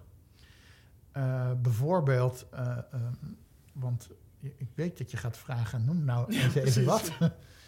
Ehm, eh, er was een, eh, en dat is een hele, hele grappige ook voor een publieke omroep, BNN-Vara. We halen heel veel trendinformatie binnen, ontwikkelingen zat. En op een gegeven moment, we wegen die ook, eh, signaalsterkte riep ik al, torenhoog boven alles uit bleek er een soort disruptie te zijn in de financiële wereld. Wat was er aan de hand? Ja, dat kon je ook gewoon lezen en ook wel goed zien. Er waren eh, eh, allerlei ontwikkelingen die... eh, eh, hè, financiën klinkt corporate en ja, eh, saai. En is het misschien nog steeds hoor. Maar, maar, maar in ieder geval veranderde ook de behoefte... eh, misschien onder invloed van de crisis. En werd het een heel persoonlijk product. En gingen mensen er ook zo mee om? En eh, ik weet niet welke financiële apps jij hebt. Ik heb inderdaad eh, Binance, Coinbase, eToro eh, en nog wat dingetjes, ja. Ja, dus dat, dat, Giro. ja. ja, dat voelt dichtbij. En, en, en ook al is ING evil. ook veel mensen vinden die app heel prettig. Want hij zegt je ook van, nou, je, je kan dit verwachten. En heb je hier al aan gedacht? En het voelt heel erg... Ja. Ja, ik heb stiekem ook om die reden nog steeds... We hebben samen met mijn vriendin heb ik dan de ASN, om duurzaam te zijn. Mhm. Maar persoonlijk heb ik nog de ING, wat ik eigenlijk mezelf niet zo heel goed vind van mezelf. Maar het is een hele fijne app. Ja. En eh, Revolut is een... eh, ik moet Ja. het eh, in, het in het Engels zeggen natuurlijk Revolut. Ja. Eh, maar maar die, die, eh, werden gezien als een soort van een breekijzer... eh, of, of iets om in de gaten te houden als het om deze trend gaat. Dus Bunkbank-achtig in Ja. Nederland. Eh, die, ja, dat is trouwens ook interessante vrienden. Ehm, en, maar ja, financiële wereld. Dus als ik op dat moment naar mijn directie was gestapt, of mijn team, of wie dan ook binnen mijn bedrijf, jongens, er is iets aan de hand in de financiële wereld, dan zouden ze natuurlijk zeggen: Oké, ja, en wil je dat we daar een televisieprogramma over maken? Voelt heel erg, eh, ja, eh Als het nieuws of zo, ja. Of Ja, of maar ja, ze zouden waarschijnlijk zeggen, hmm, misschien radar, kassa hebben we zelf. Hè. Dat- maar veel. eh. Eh, dus eh, eh, daar ga je natuurlijk verder induiken. Dus waar kwamen we vervolgens achter? Eh, ook weer gewoon eh, trendinformatie eh, dat een van de groepen waarbij dit eigenlijk niet goed ging, en daar komt al gauw publieke omroepgevoel sociale innovatie om de hoek kijken, waren jonge vrouwen. Ehm, eh, als je die zou vragen, en dit is nog steeds in Amerika, van hey, wat, wat zou je nou, wat had je willen leren op school? Dan was hun antwoord in godsnaam hoe ik met geld om moet gaan. Ik begin er nu achter te komen dat ik heel erg afhankelijk ben, dat ik niet weet hoe het werkt, dat het systeem tegen me is. Uh, en dat ik, uh, ik kan nu een zelfverdedigingsdojo binnenstappen. Uh, want dat is me ook op school niet geleerd. Belangrijk dat ze dat ook zeggen. want dat heb ik ook nodig, heel naar. maar dat financiële zelfverdediging, dat hebben we niet. Um, ja, dan kan je zeggen, oké, dan kan ik naar mijn directie stappen of naar een redactie en zeggen, eh, maar die vrouwen, die uh, zeggen ze nog, ja, in Amerika, leuk, uh, dat, ja, dat voelt wel conceptueel een programma over financiële zelfverdediging, leuk, maar nee, mm -hmm. nog steeds niet, niet helemaal there, zeg maar. en dan komt, wat ik net uitleg, dan gaan we eens kijken van Zitten er jonge vrouwen rondom BNNVARA, titels, merken, hoe je ze wil noemen? Uh, wat is hun gedrag? Zien we er iets van terug in die data? Al is het maar een beetje. Uh, nou, het antwoord was uh, jazeker. En sterker nog, uh, we zien zelfs dat er ook in Nederland hele vrouwen wel op één, als je ze zo mag scoren. Uh, maar er zijn natuurlijk andere groepen die uh, niet, aan, niet aan de beurt zijn uh, op dat gebied, ook in Nederland. Um, en nou, dan, als je dan naar een redactie of een directie stapt, nou, dan zeggen ze nog steeds me. Mhm. tenzij je, en dat hebben we natuurlijk gedaan, want dit was aanleiding voor ons om eens in Nederland te gaan vragen. eerst aan gewoon aan jonge mensen, eerst even de vraag wat had je willen leren op school? Uh, en dan mensen die al op school zitten, gecombineerd met mensen die er uh, al een tijdje af zijn. Nou, uh, dat ging ook al gauw over financiën, grappig genoeg. En, en we hebben dat helemaal niet zo ingekleed. Hè? Kwalitatieve dat is gewoon, data erbij eigenlijk. Ja, ja precies. dit gaat over pijn en plezier. Ja. waar we het net al over hadden. van, maar, van de mensen die dicht bij ons zijn, of redelijk dicht bij ons. Dus nou, ging al vrij snel uh, over, over geld. Uh, bleek ook wel significant dat jonge vrouwen iets hadden van... poeh, jezus, hoe ga ik dit doen? Mm -hmm. je, herkennen ook wel uit andere trendinformatie misschien... wat dan zo'n mooie Gen Z heet. Die bestaan helemaal niet, maar laten we een naam verzinnen om ze even te groeperen. die hebben het behoorlijk pittig, want die komen er langzamerhand achter... dat ze helemaal niet op hun twintigste al een huis kunnen kopen... Dus het, al dat soort dingen uh, kwamen dan een beetje samen. Uh, en toen zijn we natuurlijk ook wel gaan denken: oké, dat is een goed begin. Laten we dan nu, uh, overigens samen met de NPO-innovatievrienden, want die hebben ook een innovatietak. Laten we even gaan, gaan, gaan vragen van, aan jonge vrouwen: van wat, waar zit jullie pijn en hoe kunnen we daar met jullie wat aan doen? Dus dan zoom je echt in uh, op een variant van wat je in Amerika ziet. En het grappige is dat ik wandel er een beetje snel overheen, maar hier hebben we blijkbaar ook al geld gekregen van de NPO, die ook ineens denken: oh, dit is. Ja, dit voelt wel als een, als, een, als een ding waar we samen in moeten duiken en waar we een investering in moeten doen om die kennis naar boven te halen. Want wat is het kantelpunt? Want je zegt eerst uh, bijvoorbeeld ook directiekamer BNFA zegt nog, meh, ik weet niet. Mm -hmm. Wat is het kantelpunt? Wanneer?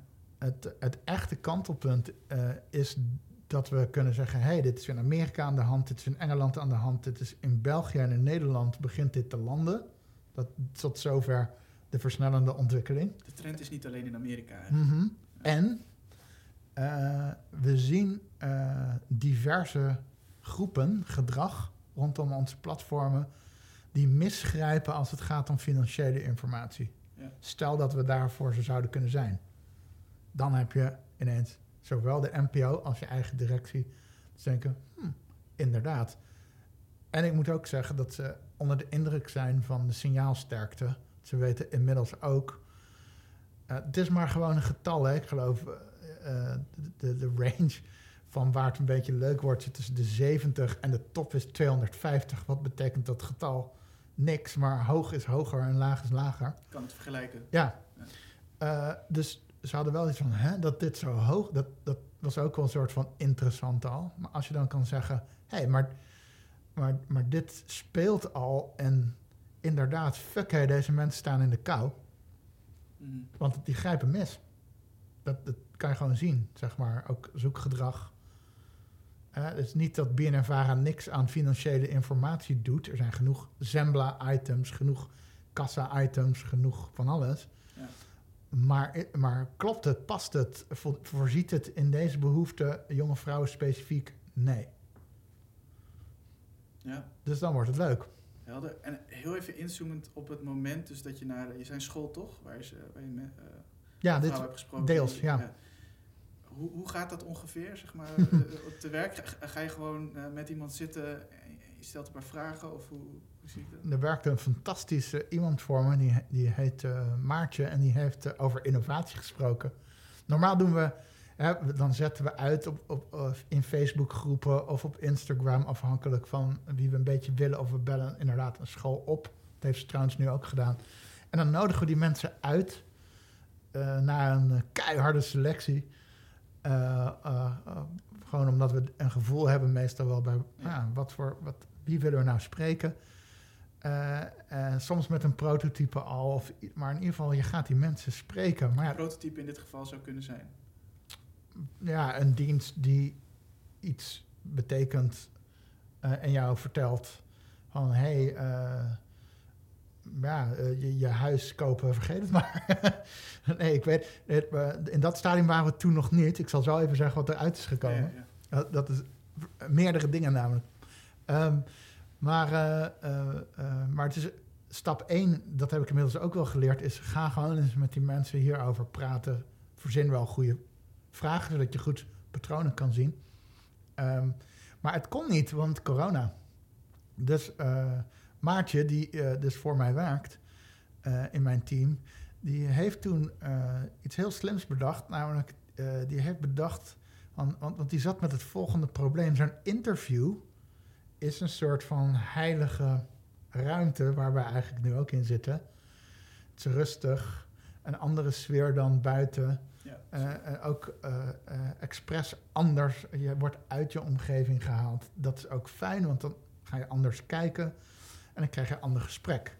Dus, eh, de staging van zo'n gesprek is best wel een belangrijk ding. Dus hoe ga je dat in coronatijd doen? Nou, zij had bedacht om die mensen eh, op te dragen. Van, ga op je kamer zitten. eh, zet, doe je oortjes in. En dan ga ik je via die oortjes een paar vragen stellen. En dan ga jij het antwoord inspreken. En er zit een hele soort, ik noem het even onboarding voor om die mensen op hun gemak te stellen. En dat ze ook echt hun hart luchten, zeg maar. Wat best wel eh, in audio, de kracht daarvan, en dat heeft zij proberen uit te buiten, is je hebt niemand voor je neus. Je zit gewoon op je kamer. Dus het voelt Ja, eh, lekker, zeg maar. Nou, dus zij heeft op die manier eh, een, een hele stoot mensen geïnterviewd. Daar heeft ze de patronen van eh, ehm, in eh, ontwaard. En vervolgens is ze meer, nog meer interviews gaan doen, ook grappig genoeg. Eh, onder andere met eh, andere generaties. Want er kwam bijvoorbeeld uit dat die jonge vrouwen in dit geval, want dat was raak, ook in Nederland, die, die voelden zich ook ja, van God en alles verlaten en afhankelijk en noem maar op. En, en, en toen heeft ze, ik weet niet meer waarom, maar doorgevraagd, maar wat, was, wat heeft je tot nu toe dan gered? Waar zat dan de kennis wel? Best een leuke vraag. Eh, en het antwoord was eigenlijk, eh, nou, ik vond het verrassend, maar misschien jij niet. Mijn moeder. Dus toen is ze, omdat ze toch tijd te veel had, met die moeders gaan praten. Met dezelfde vragen. Van, hé, hey, toen jij jonger was, hoe zat dat? Hoe, hoe, hoe kwam jij aan je kennis? Hoe, hoe lastig was dat? Want dit was nog in de tijd dat vrouwen gewoon een huishoudboekje hadden, maar het geld niet van hun was. Dus dat maakte het heel interessant. En hoe zijn ze een soort van ontworsteling en emancipatie eh, hoe is dat gebeurd of is dat gebeurd? Mhm. En, en wat had kunnen helpen? Einde van het liedje, neem het hier meteen ook even naar mee. Eh, als jullie er nog eh, zijn, lieve luisteraars. Is ehm, dat er gewoon een stuk of acht en met name vier sleutelmomenten zijn in het leven van iedereen, maar zeker ook in het leven van jonge vrouwen, omdat het er vaak extra ontbreekt, waar ze financiële kennis nodig hebben of kunnen opdoen, of ervaring kunnen opdoen, en waar wij er voor ze zouden kunnen zijn, totdat ze een jaar of 18 zijn en het eigenlijk tussen aanhalingstekens te laat is. Ja. Eh, daarna zijn er eigenlijk ook nog wel wat momenten, want je zou er best voor ze kunnen zijn als ze een huis kopen en noem maar op. Mhm. Ehm, maar, dus dan, dan ga je, eh, dan kom ik weer even terug bij mijn di- directie en mijn redacties en mijn struggle in mijn leven. Als ik tegen hen zeg, hé hey jongens, eh, je gelooft het nooit. Wij hebben allemaal mensen gesproken en er zijn acht momenten waar we voor die mensen er kunnen zijn. Goed hè? Dan zeggen ze, ja en nu? Wil je dat we voor die mensen eh, van 16 eh, eh, iets op school, een lespakket maken, voelt als een bijzaak, Hmm, weet ik niet.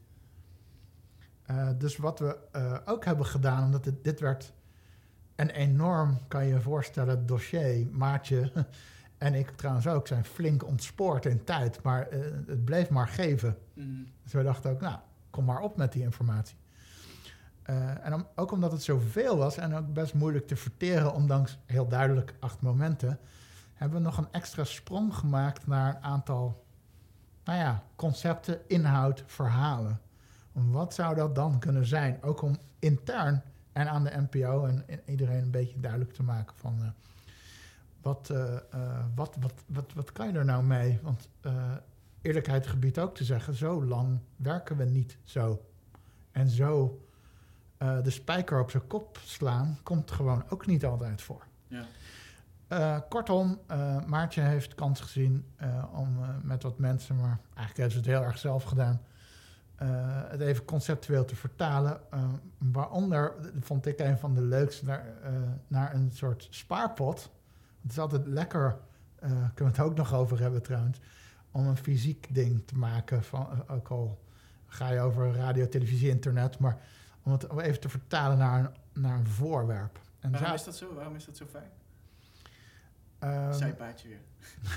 wel een zijpaadje. Eh, maar onthoud even ehm, dat we terugkomen bij een eh, financieel concept wat dan tastbaar is. Ja, ja, ja. Ehm, maar eh, het fijne aan tastbaarheid is dat het de eh, dimensie van ervaring wide open gooit. Mhm.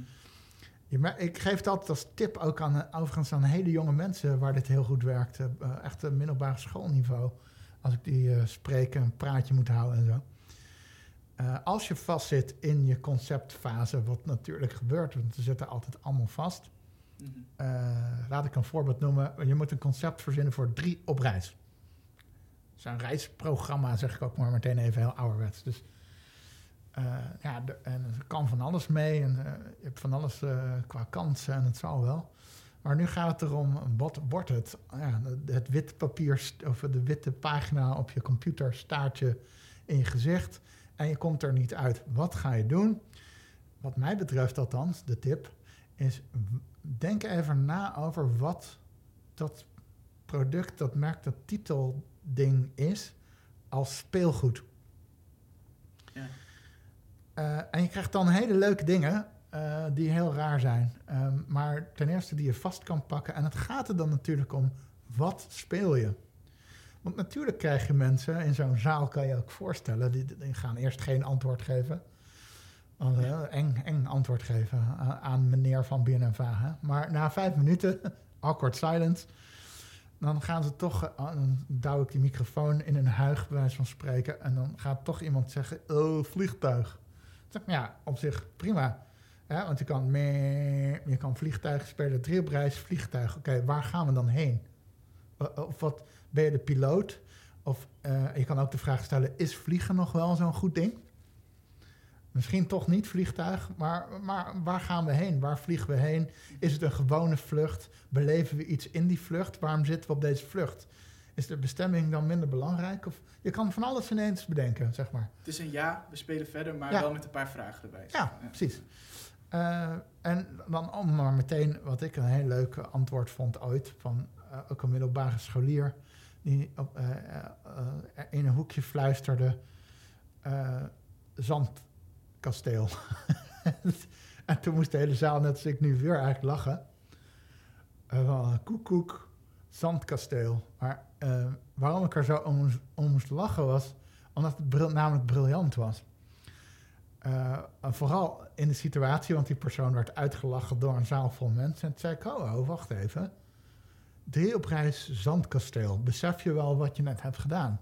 Nou, natuurlijk niet. Ehm, eh, want zo werkt dat. Maar ehm, stel je even voor. Hoe ziet dat er dan uit? Drie op reis Zandkasteel. Ehm, waar is het? Nou, hij, hij noemde een strand, ik weet het niet meer. Maar stel even dat het in Thailand is. Ook een leuk land Mhm. of in Zandvoort, maakt eigenlijk niet uit. Maar meteen werd het in zijn hoofd levensgroot. En ik had dat ook meteen in mijn Ja, hoofd. ik heb het ook direct, moet ik zeggen, nu in mijn hoofd. Ja. Ik denk, waar staat dit Dus zandkasteel? toen zei ik tegen die rest van die zaal... Jongens, hij heeft net een event bedacht... wat nog niet bestaat... wat best wel eens heel leuk zou kunnen zijn. Super gruwelijk. Zou kunnen Ja. zeggen. Drie op reis Zandkasteel. Het heeft uiteindelijk... is het niet gebeurd natuurlijk, maar... Ja. Eh, holy shit. Dus, ehm, maar daarmee, en dan ga je ook, hè, je zegt net, er komen vragen bij, maar wat is dat dan? Is het een kasteel? Wat is de vorm van het kasteel? Wordt het aan het eind van de dag eh, opgegeten door de vloed? Of niet? is er, dat is tenminste wat in mijn hoofd eh, opkwam. Eh, wie zijn daar dan? Staat het er al? Is het, of wordt het gebouwd? Ja, moet je meebouwen? Ja, Ja. al deze dingen. Ja.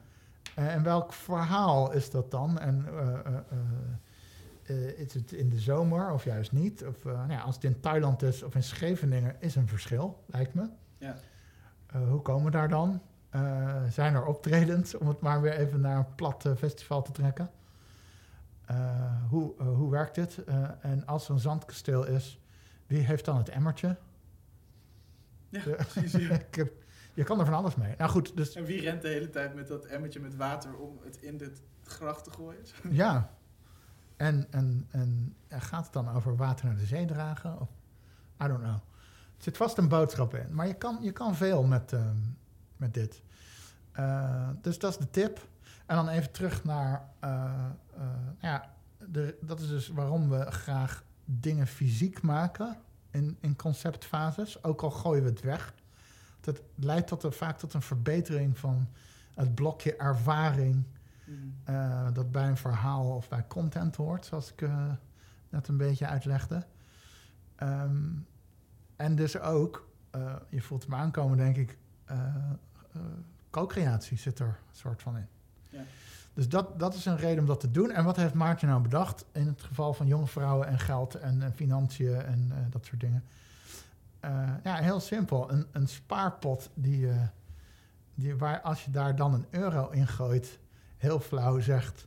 Nou, gefeliciteerd. Je kan, om precies te zijn, over 583 jaar een huis kopen. En misschien zegt hij nog wel andere dingen als je er andere bedragen in gooit. Wordt het echt, zeg maar, wat, Ja. het geld is. En uh, denk, neem ook aan dat er dan echt uh, uh, gehuild wordt. Kijk, de, de, de premisse een beetje, want nu klinkt het wel heel frivol, maar die is wel heel sterk. Die ze, uh, hè, waar ze in haar onderzoek ook op stuiten, is, uh, en dat zat trouwens ook al een beetje in die trendinformatie, is dat er nu een generatie is, meerdere generaties zelfs, die uh, de waarde van de euro, wij hebben de euro, moeten leren kennen zonder dat ze die eigenlijk, best, ja, eigenlijk in hun hand hebben. Over tastbaar gesproken. Ja. Dat komt niet zo vaak voor. Uh, dat, dat is ook um, ja, waar beleidsmakers, uh, als je het dan over sociale verandering hebt ook, zich denk ik heel erg in vergissen dat ze hun werkelijkheid aannemen voor de huidige. Dit is ook waarom innovatie zo nodig is. Dat Mark Rutte, uh, wat je ook van hem vindt, uh, ik weet zeker van hem dat hij op deze manier niet over geld nadenkt en dat daardoor kansen voor verandering, een noodzakelijke verandering in de Nederlandse maatschappij, geen doorgang vinden. Omdat hij denkt, ja, maar het is een euro, die hou ik toch vast. Het is belangrijk wel dat mensen de waarde ervan weten. Maar die hou je vast en die stop je in de frisdrankautomaat. En die denkt er helemaal niet bij na dat dat tegenwoordig met een pasje is. Omdat misschien in zijn leven... Ja, hij is gewend om wel geld te gebruiken. Dus Ja. zie daar eh, de nobele taak van de innovator wel. Ja. Ja, ik vind het, ja, ik vind het fascinerend. Ja, ik, tegelijk terwijl je het zegt, gaat er natuurlijk bij mij ook, gaan er ook eh, Mhm. dingetjes lopen. Dat ik ook denk van, het heeft ook wel, eh, het lijkt soms ook wel of alles steeds nepper wordt of zo. En natuurlijk is dat ook gewoon, ja, is dat ook opgroeien, realiteit leren kennen, wat je zegt, die degree of difference, dat soort dingen. Dus zeg gewoon re- realiteit snappen, zeg maar, dat Ja. iets een, wat echt een euro is of wat echt actie is, dat iets moet zijn wat bij je past. Zeg maar. Het- Ja, dus zo van, bij deze podcast heb ik nu ook niet gezegd zo van... Nou, ik ga dit, eh, dat had ik bijvoorbeeld vijf jaar geleden gezegd. Nou, dit ga ik nu helemaal doen, helemaal to the max. Nee, ik heb in mijn achterhoofd gehouden van... Het kan zijn dat ik het misschien wel weer op een gegeven moment op marktplaats moet zetten... omdat het me niet ligt. ja, Misschien kan ik het helemaal niet zo goed. Misschien wil ik maar één seizoen maken en wil ik dan iets anders doen. Maar dat is wel, dat is voor mij net zoiets als snappen wat geld is. ja. Ja, dit, dit heb je de waarde van de podcast eh, afgewogen, neem ik aan. Ja. En als die eh, veranderd moet worden, dan ga je hem veranderen. En als het klaar is, het is ook een belangrijk onderdeel van inno- innovatie. Hè? Eh, wanneer stopt iets?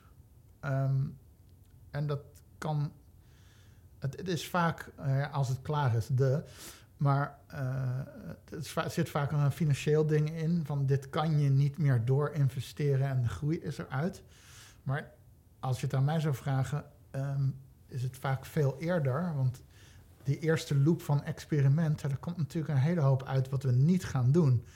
Het is mijn eh, eh, ander deel van de nobele taak van innovatie is om te voorkomen dat we te veel doen. Er moet officieel zelfs eh 90% moet er echt af. Dat is een taak. Dat moet je bewust doen. Dat, dat snijden. En daar hangt aan vast, en daarom vind ik deze podcast zo leuk, dat je dan, je gooit het niet weg hè. Dat je stopt betekent ook dat je leert en die learning die moet in het volgende gestopt worden of medegedeeld worden aan de mensheid zoals nu. Ja, Dat is de, de, de fun.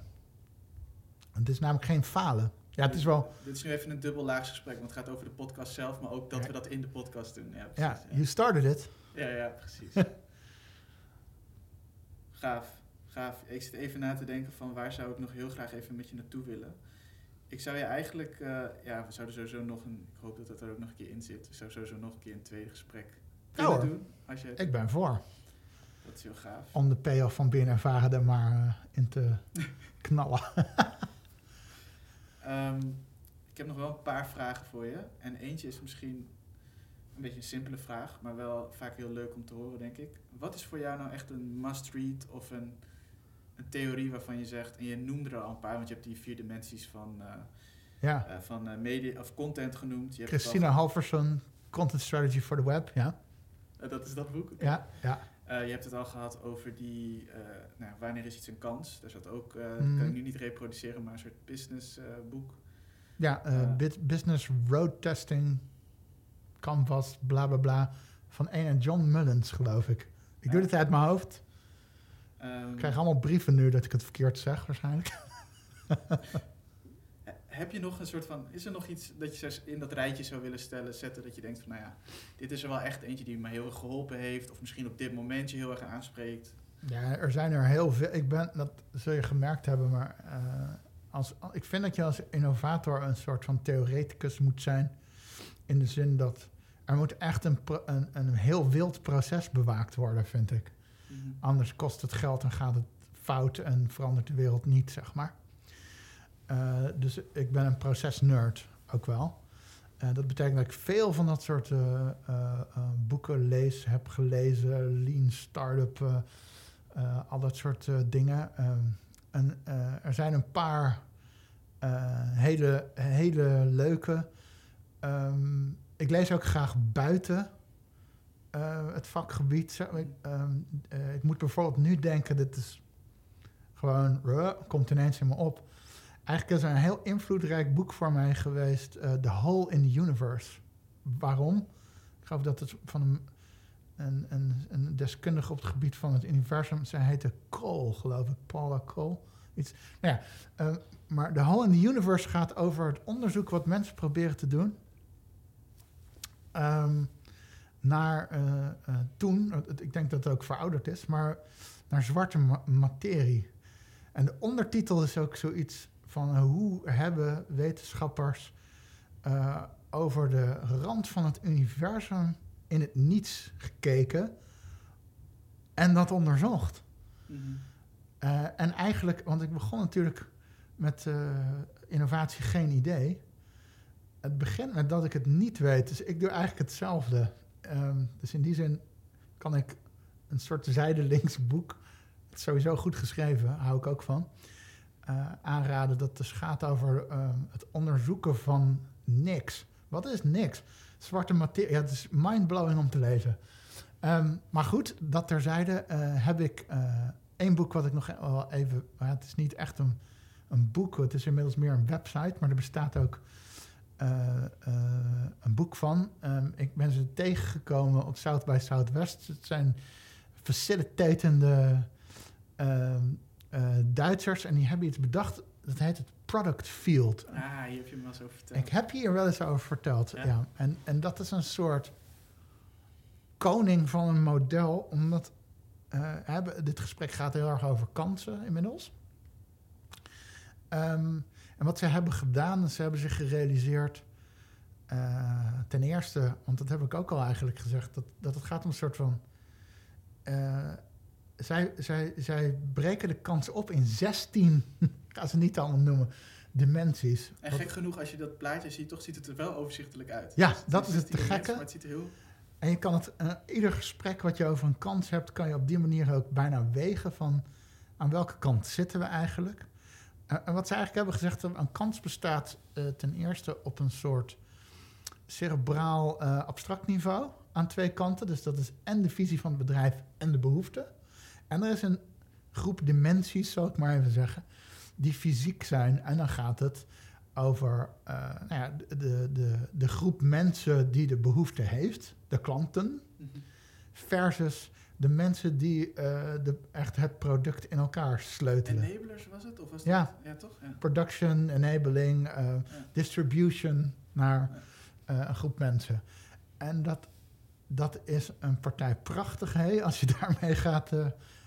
Eh, omdat je altijd kan zien, eh, stel iemand zou ons gesprek nu eh facilitaten, dan, dan, dan zullen ze waarschijnlijk, als ze geeltjes hadden geplakt bij alles waar we het over hadden, Mhm. dan hadden ze waarschijnlijk gezien dat het erg ging. het sprong natuurlijk heen en weer van fysiek naar, naar abstract, maar het ging erg over de abstracte hoek. En dan was het natuurlijk interessant van waar werd het fysiek dan? Eh, en eh, als je natuurlijk daarmee bezig bent, hoe hadden ze dat kunnen aanvullen? Ja.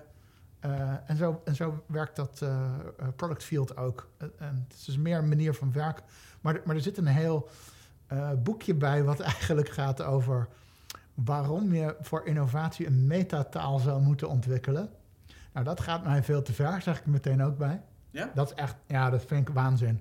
Maar heb je dat niet tegelijkertijd ook? Want als je iets zegt als een prototype en je hebt het over een Sure. kans en een idee, dan heb je toch een metataal. Nee, dat, dat is waar, maar, maar de, de nadruk die zij erop leggen, zeg maar. ja, die, is eh, anders. als ik, dat, als ik ja, over directies en redacties gesproken, eh, of teamleden, als ik binnenkom en zeg: Hi jongens, vandaag gaan we iets leuks doen. Nou, eh, we gaan even aan de metataal werken, want dat stelden zij voor in hun praatje. En dan zouden ze met de recht met pek en veren insmeren en in de fik steken en het pand uitschoppen. Dan ben je aan het innoveren op je innovatieproces in plaats van... Ja. ja, dan wordt het wel heel erg... Heb ik ook gedaan, maar da- daar is een tijd en een plaats voor. Ja.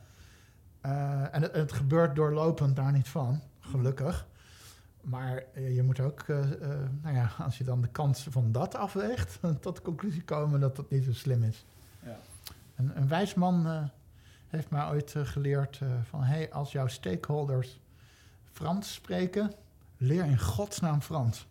En probeer dan niet eh, whatever andere taal tegen ze te spreken, want het is aan jou om die slag te maken. Ja, zie, je dat ook zo absoluut? Is het niet zo dat je ook geïnspireerd door iets van ja, je, je eigen stilo? Ja, nee, tuurlijk. Uh, maar uh, stel dat, dat, dat ik nu jouw luisteraars wil inspireren en ik begin in de verkeerde taal, ja. dan kan ik wel ja, ophouden. Okay. Ja, dat, dat gaat ver, ja. ja. Nou spreek ik thuis, maar laten we dat niet doen. Nice. nice.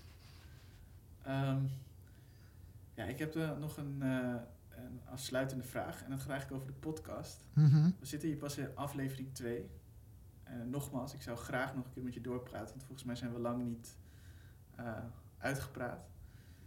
Um, ja, hoe, wat, wat, voor, als we het over kansen hebben, laten we de kansen het thema maken. Wat voor kansen zie je als je eigenlijk zo'n podcast als dit uh, voor je ziet? Je bent zelf, je zei net volgens mij een procesnerd. Ja, ik zei het gewoon. Ik hou er zelf ook heel erg van. Ik, anders kan je denk ik zo'n podcast ook niet, niet beginnen. Maar wat, ja, hoe, hoe kijk je nou? Hoe ervaar je dit? Waar, de, waar zie je kansen? Um, nou, de ultieme kans is natuurlijk, hè, stel iemand um, denkt nu, oh, product field, klinkt grappig, ik ga dit googlen en deze persoon komt erachter dat hij dat heel goed kan gebruiken, of juist niet, ook goed. Ja. Dat soort shit is, uh, is awesome. Um, de, volgens mij, vlak voordat we uh, op record drukt, Mm. zal je altijd zien. Uh, zei jij dat, je, dat het je gaat om kennisdeling. Um, ja, dat, dat doe ik heel graag. Nogmaals, het gaat om het leren. Uh, en het samenleren ook. dus als deze persoon op deze magische wijze al dan niet denkt van... fuck, hé hey, ja, een mixed reality kijkdoos. Die ga ik maken. Of product field, dat ga ik lezen en gebruiken. Of shit, ja, jonge vrouwen en geld, nooit over na. En deze, deze mensen gaan het goed doen. En dan ga ik ze tegenkomen en dan gaan ze mij waarschijnlijk beter maken. Ja. Dat is de chillen. Vet. Ja, toch? Meer uitwisseling eigenlijk uit de podcast, maar ook de... Nou ja, uh, de, de, het is ook... Uh, het is moeilijk, hè? Innovatie, uh, omdat het gaat over concurrentievoordeel op de lange termijn... en al die dingen die ik net allemaal -hmm. riep. Uh, heerst ook wel een taboe op. En mensen hebben non-disclosure agreements aan hun broek hangen vaak. Um, uh, terwijl uh, het irritante is, en dat weet jij ook wel... de meest inspirerende gesprekken uh, met vakgenoten... zijn niet de praatjes in de zalen, maar zijn de vrije gesprekken. Ja. in de zalen ook goed, hè? doe ik ook wel eens, maar uiteindelijk dan, dan gaat het er namelijk om, uh, niet, niet om, je, om je beste case, of, maar dan gaat het om waar loop je tegenaan, waar worstel je mee. Mm -hmm. uh, kloten, ik weet ook niet uh, wat deze, of dit nou een kans is. hoe verkoop ik dit aan mijn directie, al dat soort getrut. Dan wordt het leuk. Ja, de echte frustraties en Mhm. die voelen. Ja, eigenlijk hebben we te weinig gevloekt. Ja, ja. Daar haal ik even in. Ja. Verdomme. Ja, en ja, dat, is ook wel, dat is ook wel een soort van feedback van mij, denk ik. Dat ik dat misschien dat iets eerder kan opzoeken ook in het gesprek. Van, maar wanneer ja, iets meer prikken. Ja. Maar Ja. alsnog, ja, ik, ik vond het juist een lekker gesprek, omdat eh, nou ja, je echt de voorbeelden. Ja, je nam steeds een ander voorbeeld erbij en je ging heel concreet eigenlijk een chronologisch doorheen. En dat, dat wou ik zeker, dat, ja, dat vond ik concreet genoeg. Zo voelde dat voor mij. Ja, ik heb een minnetje voor mezelf opgeschreven omdat ik één keer de hoofdlijn kwijtraakte. Maar Ja. dat is. eh, meestal ben ik namelijk die, die guy die. eh, facilitating en alles, die, die die bewaakt. Maar ik was hem even kwijt. Maar dat zie ik als een plusje voor mezelf, want ik kon hem terugpakken. En hij was dus vrij genoeg om gewoon het gesprek in te gaan. Ja, ja, zo, ja. Ja, Ieder minnetje is een plusje. Toch? Dus een mooie, kruif. een mooie, een mooie zen-spreekwoord, als we die er nog in mogen gooien. als je valt, duik. Denk daar maar eens over na. Ja, denk daar maar eens over na. Dan zou ik hem heel poëtisch hier kunnen, eh, te, kunnen stoppen. Maar ik heb nog altijd één, eh, ik wil één eh, vraag nog stellen. Ja, doe het Wie gewoon. zou, hier, wie zou hier volgens jou nou echt in de podcast moeten zitten? Zijn er nog andere Oh, wauw, ja. mensen waarvan je denkt... En mag zeg maar een soort van... nou ja, super, eh, super eh, soort van... eh, ik weet niet of die persoon überhaupt nog leeft. Waar woont hij? Tot Mhm. en met... ehm, nou, eigenlijk hier om de hoek woont. Ah, er, zijn, er zijn een aantal mensen die ik gewoon bewonder. Het is net, ik ben van origine copywriter, zeg maar. En, en je hebt ook mensen die kunnen schrijven en die schrijven poëzie, proza, whatever, zonder dat ze het doorhebben.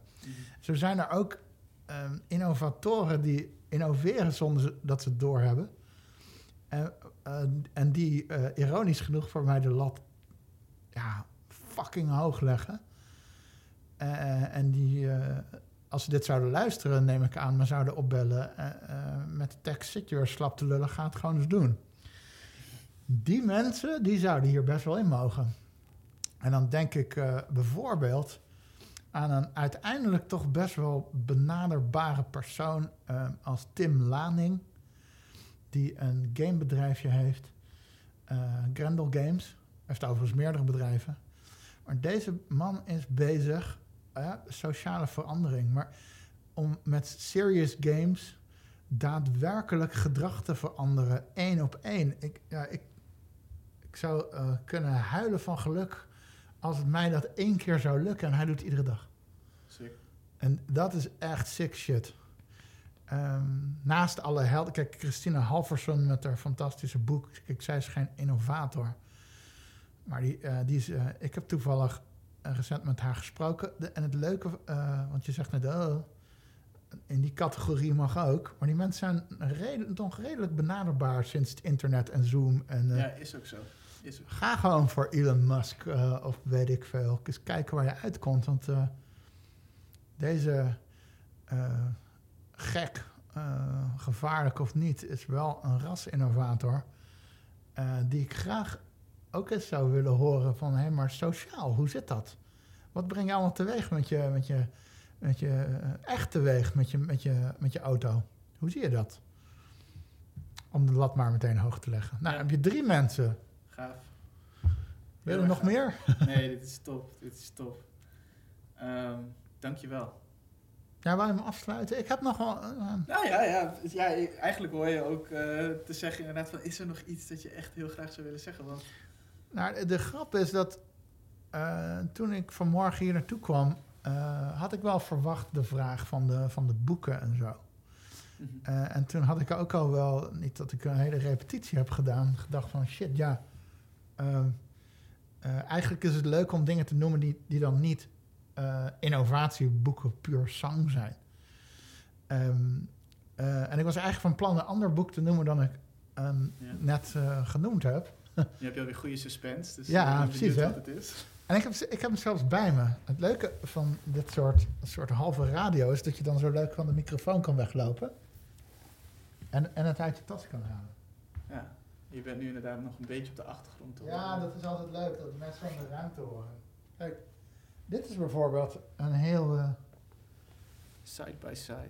een heel eh, eh, baanbrekend boek. Dat ik mensen moeilijk kan aanraden. Het, ik heb dit gekocht in een galerie in Londen. Het klinkt allemaal heel swanky. Het is, ja, lees even voor wat je voor je ziet. Dat is misschien leuker. Side by side. Gilbert and George, The Sculptors. Ja. Twee- 2012. Art for All. Ja. 12 Foreigner Street, London. En het heeft een rare gemarmerde en overigens eh, unieke kaft. Ja, Rood gemarmerd is hij. het is tussen eh, marmer en een soort van rode chemicaliën die een beetje door elkaar heen... eh, Ja. En, en, en dit is een boek wat mij door een ontzettend... Het is een van mijn prized possessions. eh, om nog maar weer eens in het Engels te... Wat is dat in Nederland? Iets belangrijks voor mij wat ik in mijn huis heb... en wat ik mee kon nemen... en wat me door een hele lastige innovatieperiode heeft heen geholpen. We hebben het net natuurlijk gehad over... eh, bekijk je ideeën als speelgoed. Eh, en ook dit doet dat, want wat dit is, Gilbert en, eh, eh, en George zijn kunstenaars, be- beroemd van de naked shit pictures, waar ze eh, met urine en ontlasting, eh, kristalachtige, eh, echt hele rare gasten, zoek ze maar op. ja. En dit boek is niet vies overigens. Ehm, en zij hebben op een gegeven moment, die kon je dus kopen voor 50 pond, deze boekjes uitgebracht. Eh, en, en het is gewoon een boekje waar ook zij weer in staan. Ze spelen altijd een hoofdrol in hun eigen kunst. Maar in de introductie staat volgens mij, en dat vond ik zo gaaf hier eh, want ik dacht, ik heb een boekje van ze gekocht, wat grappig. Eh, maar er staat ook in dit, en ook op de kaft eigenlijk al, dit is een standbeeld. Nou ben ik aan het zoeken. Ja, lees de kaft nog maar eens. Side by side, the sculptors. Ja. art for all. Zij zeggen, want wij zijn beeldhouwers. En wat we vandaag gebeeldhouwd hebben voor u, Ja, terwijl je een- foto's ziet in het boek Ja, met de is een- tekstjes ernaast. is een boek. Eh, dus ze hebben het concept boek omgedraaid. en ze hebben unieke boekjes gemaakt die zij zien. En, en stel het je even voor, want het, het, het, het, het standbeeld eh, heb je in je handen ineens. Dat is ook zo raar, dat kan. This is copy number 45 of 2000. Ja. Eh, het is een in serie gemaakt standbeeld, vinden zij. En zij zijn gewoon, en, dat vind ik altijd mooi. eh, ik, ik geld ook in mijn bedrijf zo'n radicaal. Eh, en gewoon om te pesten, op een positieve manier. Eh, zegt ze: Hier jongens, hier is een boek. Het is een standbeeld, succes. En, en ja, het heeft mij in ieder geval geholpen. Van shit, ja, als je, als je een boek kan herdefiniëren, of hebben ze nou het standbeeld geherdefinieerd? Ik weet het niet, waarschijnlijk allebei. En zichzelf als sculptures neergezet. Holy shit.